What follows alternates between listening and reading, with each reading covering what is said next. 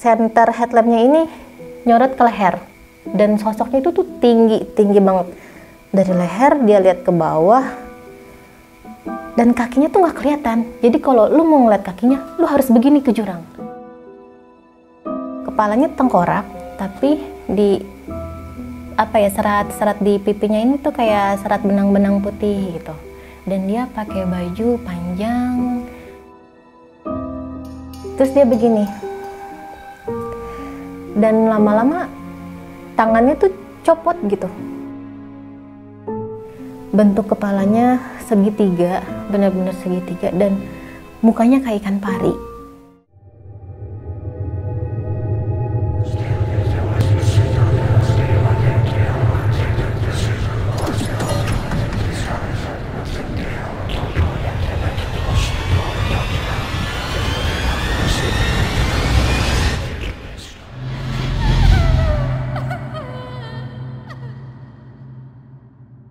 Bismillahirrahmanirrahim. Assalamualaikum warahmatullahi wabarakatuh.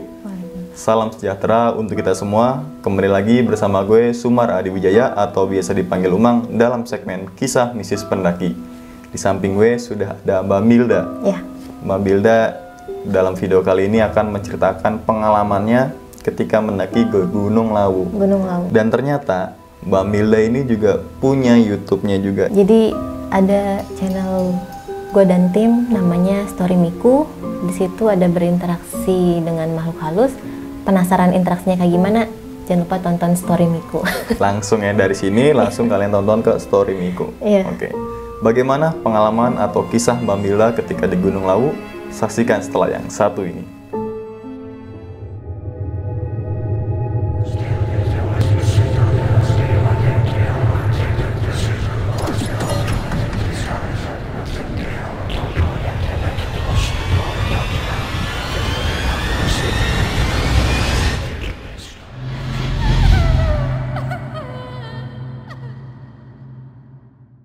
Assalamualaikum warahmatullahi wabarakatuh. Jadi kemarin itu akhir Oktober, gue dan teman-teman rumah berencana untuk naik gunung ke Gunung Lau. Yang naik gunung ini tujuh orang.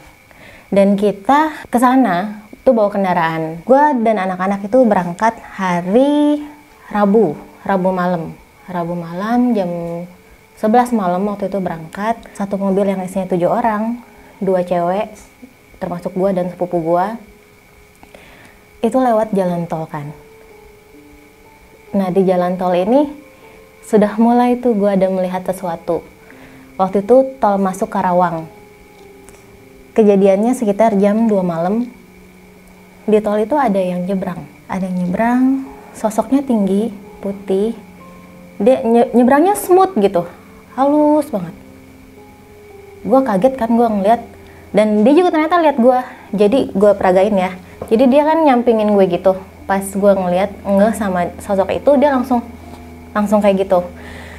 Dan di situ gue kaget mukanya tuh gue ngeliat jelas banget sosok mukanya kayak apa ya musuhnya Harry Potter ya Voldemort. Bentuk kepalanya tengkorak tapi di apa ya serat-serat di pipinya ini tuh kayak serat benang-benang putih gitu. Dan dia pakai baju panjang dan ada sisa beberapa meter ke belakang sekitar 2 atau 3 meter. Nyebrang. Dari situ gue langsung tutup mata. Itu masih di awal ya gue yang udah deh gue keep silent aja. Nggak gue ceritain ke anak-anak. Dan sampailah gue di base camp Candi Ceto sekitar hari Kamis pagi jam 10 pagi. Di situ anak-anak packing rapi-rapi packing ulang makan siang yang mana akhirnya kita memutuskan mendaki lagi eh, atau mulai pendakian dan urus-urus si Maksi itu sekitar jam setengah dua siang. Di sana bayar 20.000 terus juga di briefing sama orang-orang si Maksi kalau nggak boleh ngecamp di pos 4 atau penggik waktu itu nama posnya. Dan dikasih tahu nih trek atau jalur dari 2 ke 3, 3 ke 4 dan 4 ke 5 itu treknya lumayan terjal. Jadi jangan kaget katanya. Ya sudah, akhirnya naiklah kami. Dan ketika naik itu gue kaget nih. Nyampe di pos 1 ada tempat kotak atasnya segitiga ditancepin gitu di samping-samping pos isinya itu dupa dupa bunga-bunga dan dupanya itu masih ada asap-asapnya gitu wah apa nih cuma ya udahlah gue tidak mau memikirkan ini apa sih apa sih segala macam. Yaudah deh gue wajar mungkin adat istiadat orang-orang setempat. Nah naik lagi ke pos 2 sampailah di pos 2 itu sebelum maghrib jam setengah 6 tadinya kita tuh mau ngecamp di pos 3 tapi karena dikasih tahu sama pendaki lain yang turun, mereka tuh bilang, jangan ngecamp di pos 3 bang, soalnya rame kayak pasar. Karena kan waktu itu tanggal merah tuh uh, ada tanggal merah dan long weekend gitu ya, jadi rame yang naik. Ya sudah, akhirnya diputuskan malam pertama, malam Jumat, gua ngecamp di pos 2. Di malam ini sebenarnya ada beberapa kekhawatiran gue dan sepupu gue bahwa kami berdua itu belum haid. Dan terjadi nih jam 9 malam sepupu gue bilang, Mil gue haid katanya gitu. Gue sempat kaget kan, jadi ya udah deh pelan-pelan dia juga bawa pembalut dan kita juga punya caranya. Ya sudah, ya udah gini aja caranya segala, segala macam pokoknya udah diomongin deh. Di malam itu gue kebelet pipis nih sekitar jam 2 malam. Gue pipis di belakang shelter pos 2 waktu itu sudah mulai ada suara ketawa yang gue dengar. Ketika balik lagi ke tenda, malamnya, nggak malamnya ya, ketika gue kembali lagi tidur sampai sebelum subuh, di sini gue mendapat mimpi yang menurut gue aneh, aneh dan apa ya, tidak terfikirkan sama gue sebelumnya. Jadi gue mimpinya adalah ada seorang pendaki, dia lagi duduk di depan gue, dia pakai pakaian kaos terus kalau cowok kan suka pakai manset gitu ya. Nah dia ngebelakangin gue aduh gue merinding. Terus dia begini. Dan lama-lama tangannya tuh copot gitu di aduh ya Allah copot-copotan gitu. Terus gue langsung gue langsung buka mata. Saat itu gue baca-baca gue nggak paham lah ya itu apa. Gue juga nggak mau paham. Pokoknya itu udah creepy banget buat gue itu baru malam pertama.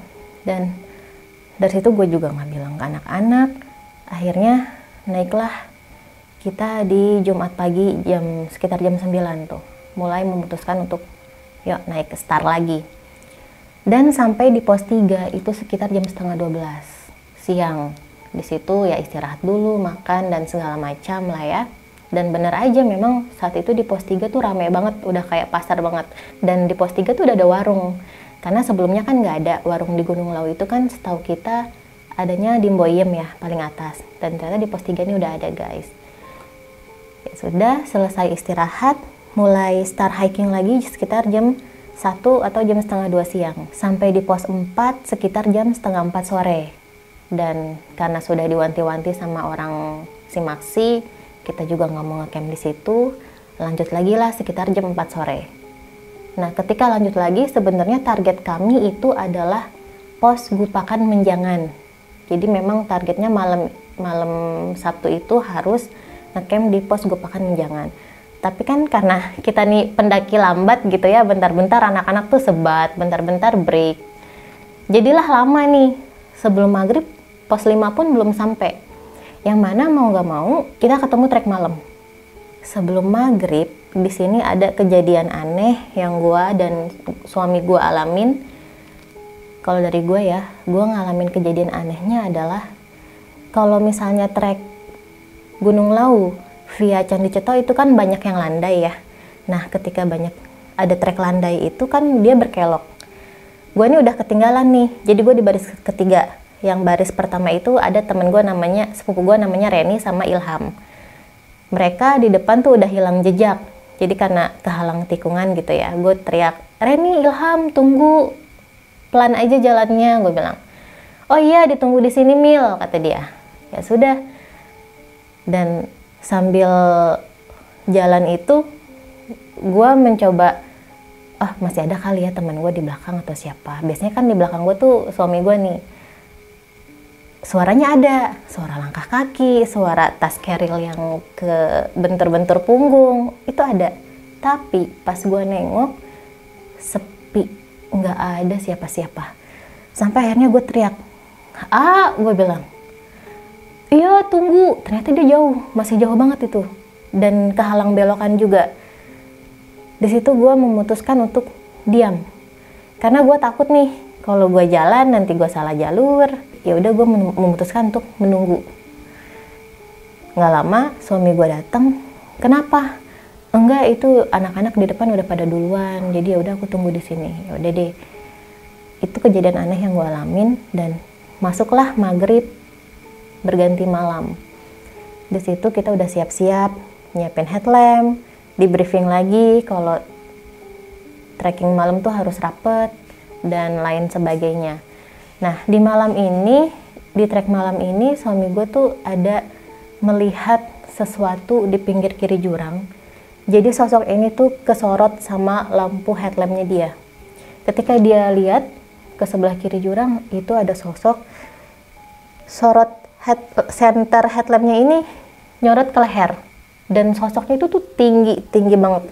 Dari leher dia lihat ke bawah, dan kakinya tuh nggak kelihatan. Jadi kalau lu mau ngeliat kakinya, lu harus begini ke jurang. Ngeri jatuh kan. Jadi laki gue tuh udah yang ah udah deh nggak beres nih nggak bener ya sudah dia langsung mengar mengarahkan headlampnya ke yang lain tetap ke jalur itu yang dia lihat nah lanjutlah sampai di pos 5 sekitar jam 7 malam. Sebenarnya di pos it, pos 5 itu gue udah mulai merasa mual. Mualnya itu mual yang gimana ya? Bukan mual karena mah ya gue kan juga punya mah jadi gue tahu rasanya rasa sakitnya itu berbeda. Jadi udah akhirnya break sebentar di situ sambil lihat sekeliling oh udah sabana nih pos 5 dan lagi-lagi gue melihat yang tadi gue ceritain tempat dupa yang ditancepin di pinggir-pinggir gitu dan itu juga ada dupanya ada bunganya. Dan lagi-lagi gue mikir oh di setiap pos ada kayak gini buat apa ya? gitu. Tapi udahlah lagi-lagi gue skip deh. Dan sebenarnya di perjalanan itu tuh pendaki-pendaki tuh banyak yang pendaki turun ya banyak yang nanya ke tim gue mereka bilang e, mas ngelihat tiga pendaki nggak ya cewek? Katanya gitu. Oh naik atau turun mereka naik. Oh enggak ya nggak ngeliat. Dan yang nanya itu tuh bukan satu tim pendaki yang turun aja, tapi pendaki yang lainnya juga, yang ikut turun juga, itu juga menanyakan hal yang sama. Sampai kita yang oh tadi juga ada tuh mas sebelumnya yang nanyain emang kenapa ya? Nggak tahu mas soalnya di belakang-belakang banyak yang nyariin katanya gitu. Dan ya sudahlah karena kita tidak menemukan pendaki yang dimaksud ya udah kita bilang apa adanya oh nggak ngeliat gitu nah dari balik lagi ke pos 5 malam di situ lanjut lagi kan sudah mulai melewati padang sabana gitu dan banyak yang mendirikan tenda-tenda. Ada pendaki yang ngedirin tenda sambil ngedirin tuh dia si pendaki ini sambil ngeliat tim gue jalan gitu. Dan dia nanya, Mas, baru dateng ya katanya. Oh iya, baru. Kenapa memang ngelihat pendaki tiga cewek enggak ya? Cewek semua bertiga. Oh enggak ya mas, soalnya tadi banyak yang nanyain juga pendaki-pendaki turun nanya ke tim kita, tapi kita nggak ngeliat. Emang kenapa ya mas? Oh enggak mas, nggak apa-apa Nah si abangnya ini tuh ditanya begitu nggak mau ngejawab kan kita juga nggak mau dong kepo atau yang ikut campur atau bagaimana karena dia tidak menjawab. Ya sudah ini kita lanjut lagi, lanjut lagi sampailah uh, di tanjakan sebelum pos Gupakan Menjangan. Jadi tuh udah sebentar lagi deh pokoknya dan harus melewati tanjakan itu dulu.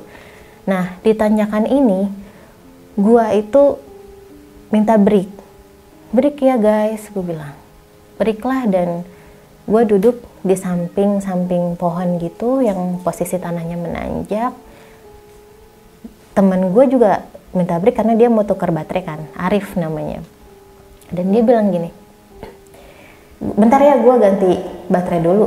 Nggak apa-apa kan? Oh iya nggak apa-apa. Gue duduk dulu. Ketika duduk posisi duduk gue kan gini sambil senderan ke pohon gitu ya. Gue ngeliat nih ke arah bawah. Ih ada yang mau naik. Baru tuh mau keluar dari mulut gue woi istirahatnya jangan di jalur gitu mau ada yang naik. Baru banget gue mau ngomong itu tapi gue telan lagi. Pendaki mau naik tapi kok nggak pakai headlamp? Posisi malam jam 8 gitu kan kok dia nggak pakai headlamp? Makin lama diperhatiin itu sosoknya bukan orang. Aduh jadi sosoknya itu adalah menyerupai asap. Misalnya taruhlah ini sebidang tanah yang menanjak. Ini sosoknya. Dia tuh jalannya gini. Jadi nggak napak ke tanah. Ada ada ada gap gitu antara bentuk sosok ini sama si sama tanahnya gitu jalannya gini pelan. Dan itu warnanya putih. Tapi gue liatnya gumpalan-gumpalan asap kayak gitu. Semakin lama gue perhatiin dia belok dong ke semak-semak. Fix itu bukan orang. Gue langsung gemeter kaki gue. Anak-anak nggak ada yang ngeh. Gue begini aja sambil baca-baca. Terus udah belum udah belum. Oh, udah mil. Udah udah. Ya udah. Lanjut lagi. Sampailah di pos gue pakan menjangan sekitar jam 8 malam lewat ya di situ gue udah nggak tahan pengen muntah. Akhirnya gue bilang ke suami gue ah aku mau muntah kita melipir aja dulu. Di situ ke anak-anak gue bilangnya pipis sedangkan teman-teman gue ini udah yang sigap gitu ngedirin tenda segala macem. Muntah lah gue di situ. Dan muntah gue tuh nggak makanan nggak hal-hal yang gue makan saat pendakian itu gitu tapi muntahnya adalah muntah air. Dan gue juga bingung aduh ini apa orang bilang kalau kayak gitu adalah ketempelan. Dan di situ gue bilang ke suami gue aku ngelihat ini ini. Aduh ya udah biarin aja. Kamu fokus aja dulu sama pendakian ini. Iya gue, bilang gitu kan. Ya sudah akhirnya balik masuk lagi ke tenda tenda udah jadi harusnya tuh yang masak gue sama sepupu gue tapi karena kondisi gue lemes mereka tuh mengiranya gue drop Nah yang masak ini sepupu gue nih yang namanya Reni sama temen-temen gue yang lain. Sekitar jam 10 malam sambil mereka masak, bikin kopi dan segala macem, sepupu gue ini ngomong gini, eh itu yang putih-putih di pohon apa ya? Karena kan di Gupakan Menjangan itu kan banyak pohon tinggi-tinggi. Itu apa ya putih-putih? Ah yang mana lu jangan bikin takut kata teman-teman gue yang lain. Itu itu itu apa ya? Oh itu mah awan kali kata temen gue gitu. Cuma ya udahlah gue juga nggak mau ikut campur sama obrolan itu. Gue memutuskan diem aja di dalam tenda istirahat. Sampai akhirnya gue kebelet lagi nih pipis jam 2 malam. Gue lagi-lagi gue minta antar minta tolong suami gue. Untuk antar gue gue pipis. Pulang dari pipis entah kenapa gue tuh fokus atau gue fokus ke arah pohon yang sebelumnya diomongin sama sepupu gue ini. Di situ gue melihat sosok sosoknya tinggi tinggi bentuk kepalanya segitiga benar-benar segitiga dan mukanya kayak ikan pari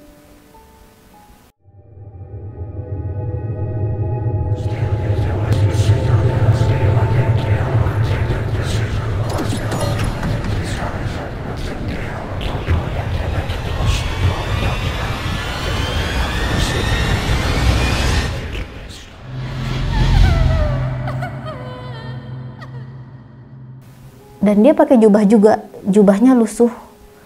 Tingginya ada 2 meter lebih deh. Itu gue yang Allahu Akbar. Ayo ah cepet ah cepet cepet gue bilang. Di situ tuh gue udah yang ini sebenarnya. Di di benak gue tuh yang ya Allah ini apa ya? Ini apa ya? Pikiran gue udah nggak lagi ke pendakian gitu. Pikiran gue udah yang apa sih ini kok banyak banget ya yang gue lihat gitu. Bahkan dari situ gue wah gila gue banyak baca surat dari ayat kursi al-fatihah al-falak al-ikhlas semuanya deh gue baca saking gue gelisah gitu ya. Nah ketika sudah tenang gue tidur lagi-lagi gue dapet mimpi aneh. Di mimpinya ini gue melihat pertapa. Ntar gue merinding. Gue melihat pertapa rambutnya kayak rambut Ki Joko Bodo zaman dulu tau gak lo yang gelombang gitu. Bukan keriting ya gelombang panjang. Dia telanjang dada terus dia pakai celana bahan. Kayak celana bahan silat gitu. Terus dia begini aja. Dan di situ gue ada percakapan sebenarnya ada percakapan ngobrol. Batin ya nggak yang conversation. Tapi batin lebih ke batin. Di situ gue tanya kamu siapa? Gue bilang.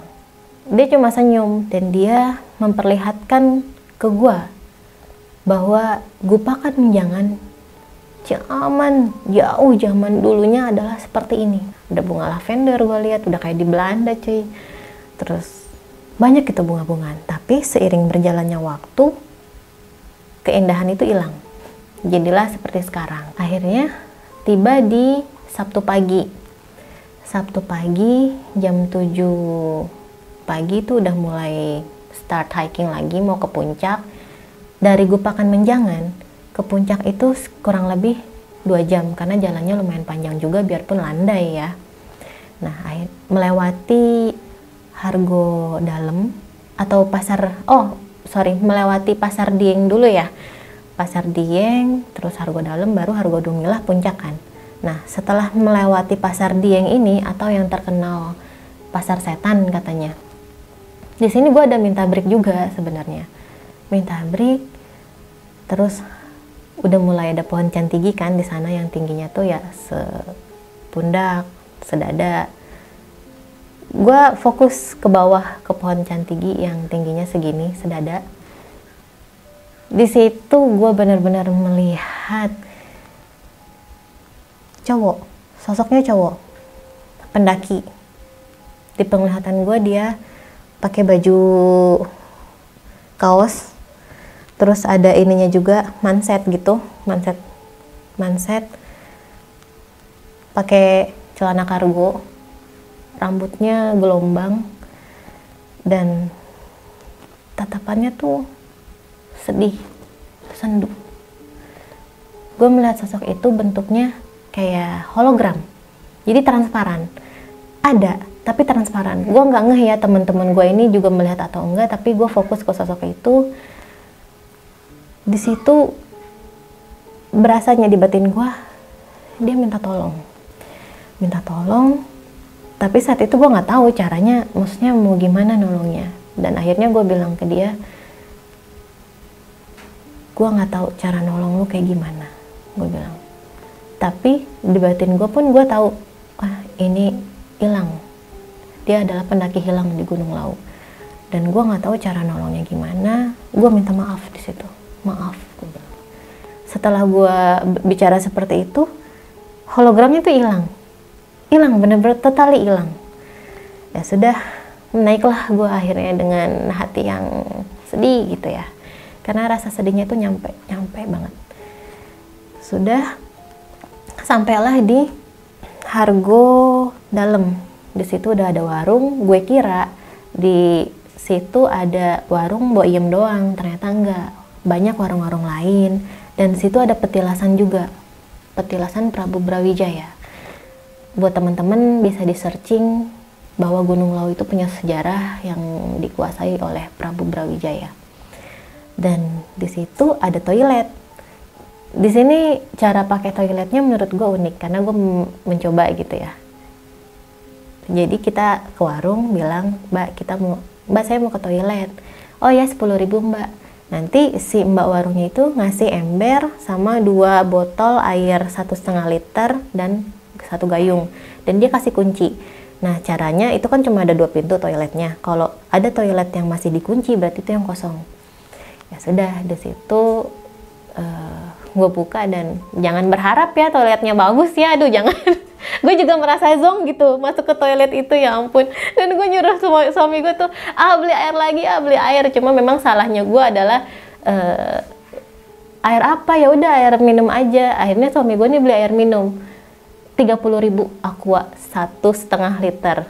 Terus gue baru kepikiran setelah itu semua kata gue kenapa nggak beli air untuk ini aja cuci-cuci gitu ya. Nah dari situ kita mencoba makan di warung Boyem. Wah rame banget. Padahal di situ banyak warung, tapi entah kenapa para pendaki itu pada ke Boyem.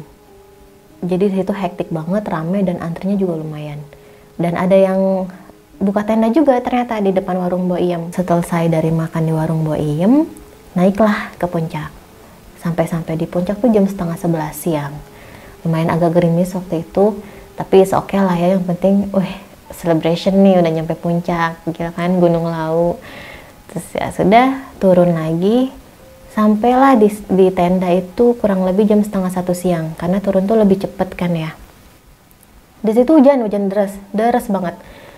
Dan yang mana mau nggak mau diputuskan kita semalam lagi di situ gue sih udah khawatir ya maksudnya ya Allah gue takut ngeliat si ikan pari lagi gitu. Tapi mudah-mudahan enggak. Kalau dari gue gue pengen buru-buru turun. Tapi dari teman-teman gue kita semalam lagi. Karena kan lihat sikon hujan jalur licin takutnya kenapa-napa gitu kan. Ya sudah diputuskan mana yang terbaik deh. Akhirnya ngecamp lagi semalam. Nah semalam ini nih nggak ada masalah. Tapi ada bukan kecelakaan sih apa ya namanya ada dua orang pendaki. Dia hipo.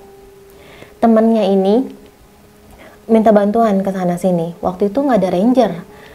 Jadinya bang gimana nih? Uh, temen gue hipo. Aduh ya udah akhirnya dikasih. Waktu itu gue bawa emergency blanket. Gue bawa dua gue kasih satu. Mudah-mudahan dengan itu bisa teratasi gitu ya. Dan ya udah bang kata teman-teman gue ya udah bang nanti uh, besok kita bantu untuk bilang ke ranger. Tapi biasanya ranger ada kok pagi subuh dia udah datang katanya. Cuma ini karena hujan aja makanya mereka nggak naik.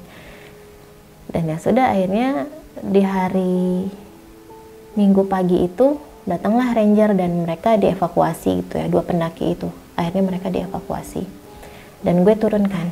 Turun dari pos gue pakan menjangan sekitar jam 7 pagi juga sampai-sampai di base camp sekitar sore, jam setengah empat sore. Nah, nyampe di base camp, anak-anak udah langsung istirahat, cuci, makan segala macam dan gue cuma naruh keril terus bilang ke sepupu gue, Hong, uh, Ren, ayo kita makan, gue bilang. Makan lah gue di warung kan. Mbak, baru turun ya, kata si mbak warung. Iya, kenapa emang bu? Katanya ada dua pendaki di sana ya kena hipo ya. Oh iya gitu. Iya bu benar katanya oh terus gimana tuh mbak? Ya alhamdulillah selamat. Ya oh gitu. Ya soalnya nyampe nih uh, apa para pedagang di situ tuh ternyata infonya nyampe gitu. Terus gue dalam hati mikir apa kabar tiga pendaki cewek itu? Gitu kan. Tapi cara gue adalah gue nggak nanya ke orang si Maksi, gue nggak nanya juga ke si ibu itu. Tapi ini alhamdulillah tidak ada yang memberitakan tiga orang pendaki wanita hilang di Gunung Lau. Alhamdulillah nggak ada kayak gitu. Jadi ya gue menyimpulkan oh ya sudah berarti mereka selamat. Nah udah packing mau pulang nih abis maghrib ternyata hujan deras.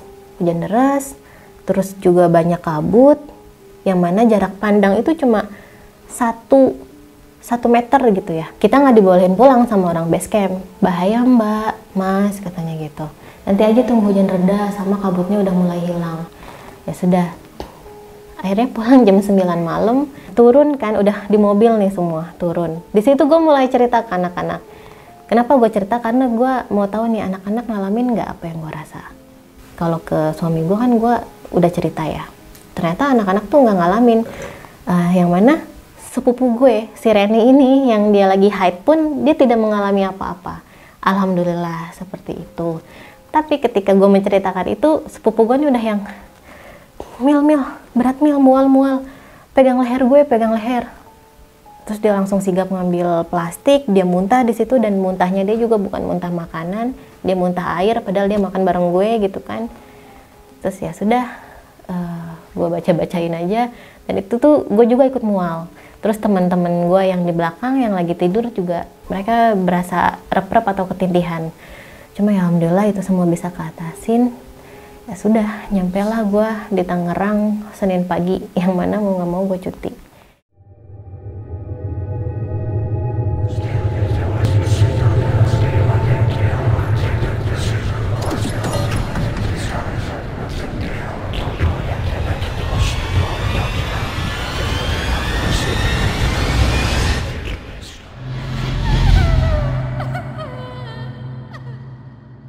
Oke, itu teman-teman semua cerita dari Mbak Milda ketika melakukan pendakian ke Gunung Lawu via ya. Candi Cetok. Emang sebenarnya Mbak Milda bisa ngelihat atau bisa merasakan sesuatu? Bisa.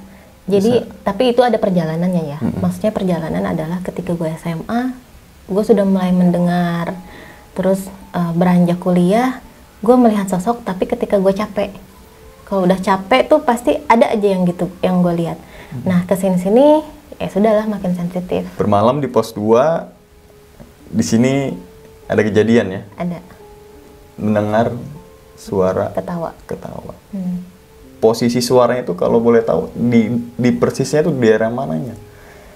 ada shelter di pos 2 gue pipis di, di belakang shelternya kan nah di belakang belakang tuh udah gue nggak tahu ya itu jurang pokoknya udah semak-semak deh dan belakangnya itu udah ada banyak pohon-pohon di situ dia Lagi jalan nih di belakang itu kayak seakan-akan suaminya Mbak Milda kan. Hmm, Ada suara langkah kaki, Iya. ada suara benturan ransel dengan badan gitu Iya. kan, cublek deblek. Iya. Tapi ketika pas dilihat ke belakang ternyata nggak ada siapa-siapa Nah, dan ternyata dalam tidur Mbak Mile itu dimimpikan oleh dimimpiin sosok pendaki pendaki. pendaki tapi dia nggak ngeliatin mukanya ya dia cuma duduk eh, duduk terus ngebelakangin gue gitu dia mulai begini gue kira dia mau ngapain ternyata copot gitu tangannya Dua-duanya. iya. Dan sebenarnya itu bisa berlanjut kalau gue masih berani untuk eh udah nih gue mau lihat gitu. Tapi waktu itu langsung gue skip. Gue nggak mau lihat dong. Gue ngeri lah maksudnya kalau gue tetap pantengin kepalanya copot gimana? Itu lebih serem sih Lebih menurut gue ya kan dibanding nyopot nyopotin tangan. Jadi udah gue langsung bangun bener-bener bangun saat itu. Terus kan Mbak Milda break nih di tengah perjalanan sebelum akhirnya ke Gobokan Menjangan. betul. Nah, di situ kan Mbak Milda dari kejauhan tuh ngelihat kayak baru mau bilang awas jangan break di jalur gitu kan. iya iya Dan ternyata sebelum bilang seperti itu pendaki itu atau mungkin sosok itu malah melipir ke ke semak-semak semak-semak. Mm-mm. Tapi asap yang menggumpal. Lu tau awan kinton kan Mm-mm. yang di Dragon Ball? Kayak gitu tapi lebih besar gitu. Gelombang-gelombang itu tapi asap warna putih. Tapi dia bergerak berjalan. Itu yang gue lihat. Sangat sangat tebel gak Tebel. kira-kira? Tebel. Tapi ada angin nggak setelah asap itu lewat ada angin yang hembus itu? Enggak. Dan seperti biasa Mbak Mila nih setiap malam selalu ke belakang mulu Mbak ya. Beser gue tuh. Beser. Dingin. Oke, saat, saat itu minta ditemenin oleh suami untuk ke belakang. Kalau boleh tahu lagi nih Mbak, sedetail apakah sosok yang dilihat saat itu? Detail banget ya teman liatnya ya. Warnanya putih semua, tapi mukanya ikan pari. Tapi palanya segitiga, bentuknya bener-bener real segitiga. Dan gini, itu kan pohon tinggi-tinggi di Gupakan Menjangan kan, yang di sebelah kirinya. Tinggi, terus lumayan diameternya tuh lumayan besar gitu kan. Dia ngintip, jadi begini gitu. Misalnya ini pohon nih, dia gini tuh. Gue kira pocong, ternyata bukan. Astagfirullah kata gue apa? Tapi sumpah tinggi banget dia, tinggi banget, 2 meter lebih lah kali ada. Di pasar Dieng ini nih Mbak, sebelum puncak, sebelum Hargo Dalam dulu ya. Sebelum Hargo kan Dalam. pasar Dieng baru puncak. Nah, di pasar Dieng ini kan banyak banget nih teman-teman semua pohon cantigi. Di celah-celah pohon cantigi, Mbak Mila melihat lagi Mm-mm. sosok seperti layaknya pendaki yang memakai mindset ya. Iya, mindset. Benar kan ya mindset ya yang Mm, mindset. iya kayak gitu. Dia uh, berpesan nggak atau dia menceritakan bahwa dia itu siapa gitu. Saat itu gue ngerasain di batin dia cuma pengen minta tolong, tolong, tolong, tolong, tolong. Tapi sedih gitu. Dia ini nggak nggak bercerita atau ngomong dia siapa segala macem. Tapi di situ rasa sedihnya dan rasa minta tolongnya tuh nyampe gitu. Jadi itu aja yang gue tangkep. Dan waktu itu gue juga nggak tahu cara nolongnya nih gimana gitu kan. Jadi ya sudah gue minta maaf sama dia, maaf gue nggak bisa nolong. Mbak Milda juga punya YouTube channelnya, Oh ya, ada yaitu Story Miku. Story Miko. Kalau boleh tahu tuh channelnya biasanya ngebahas apa aja sih? Jadi di Story Miku itu kita ada interaksi sebenarnya sama makhluk-makhluk astral. Dan kita tuh punya vision goals. Karena yang kita lihat di channel YouTube horor, mereka tuh menyampaikannya tuh horor, jadi orang-orang tuh takut. Tapi ini dengan tim gue tuh gue dikemas, dikemas oleh tim untuk bagaimana caranya kita have fun. Jadi orang-orang tidak takut lagi dengan hal-hal yang seperti itu, gitu. Makanya kenapa background gue ini ceria. Terus kan ada cerita segmen cerita misteri juga. Tuh kadang gue suka pakai baju yang jreng gitu, pink gitu. Bawahnya ceria, tapi sebenarnya isinya horor. Karena tujuannya itu untuk biar teman-teman atau yang lain tidak merasakan takut. Dari nonton video ini kalian mampir ke Story Miku. Nanti linknya ada di bawah ada juga nih di bawah sini ya. Ada Story Miku. Terakhir nih Mbak, sebelum gue closing Ya, kasih pesan dong untuk teman-teman semua. Gue punya satu pesan. Nggak pesan nggak cuma satu sih. Banyak lah ya. Ambil yang baik dan kalau menurut kalian nggak baik ya jangan diambil. Ketika kita mau berkunjung ke rumah ke tempat atau ke gunung atau ke pantai pokoknya tempat-tempat yang katanya angker atau segala macam berdoalah di situ. Kita kirim doa untuk eh pertama dengan ada pertama ya doa untuk nabi dan segala macam. Gue bilangnya wasilah ya. Kita wasilahin atau kita kirim al-fatihah untuk penghuni di sana gitu. karena dengan begitu mereka akan menganggap kita sebagai tamu. Dan kalau misalnya kita ada yang mengganggu ketika kita bertamu ke sana eh, ini orang udah ngedoain gue loh gitu. Ini orang eh, manusia ini udah sudah mendoakan kita loh. Jangan diganggu lah gitu. Itu sih yang bisa gue sharing. Dan tolong mendakilah sewajarnya jangan mengubah keindahan yang sudah ada. Itu dia. Oke, jadi teman-teman semua ambil sisi positifnya Mm-mm. dalam video ini. Dan Mbak Milda menceritakan uh, pengalamannya bukan untuk nakutin teman-teman semua ya. ya Bukan nakutin, tapi malah justru kita harus lawan rasa takut tersebut. Gunung itu nggak angker kok. Hal angker atau enggak itu bukan dilihat dari tempatnya, enggak dari bawaan diri kita sendiri. Hmm. Hal gaib itu ketika sugesti kita buruk. Hmm. Selalu gue singgung, jaga. Jaga ini apa? Jaga temen, jaga diri, jaga etika, jaga tingkah laku, jaga sikap, jaga semuanya. Ketika kita semua itu terjaga dan perlengkapan kita oke, pengetahuan kita oke, insya Allah pendakian teman-teman semua ini akan lancar-lancar saja tanpa ada hal-hal di luar di luar batas nalar yang mengganggu ya mbak ya. Jangan lupa tadi mampir setelah video ini ke Story Miku. Sekian dulu video kali ini dan sampai jumpa di video-video berikutnya. Wassalamualaikum warahmatullahi wabarakatuh.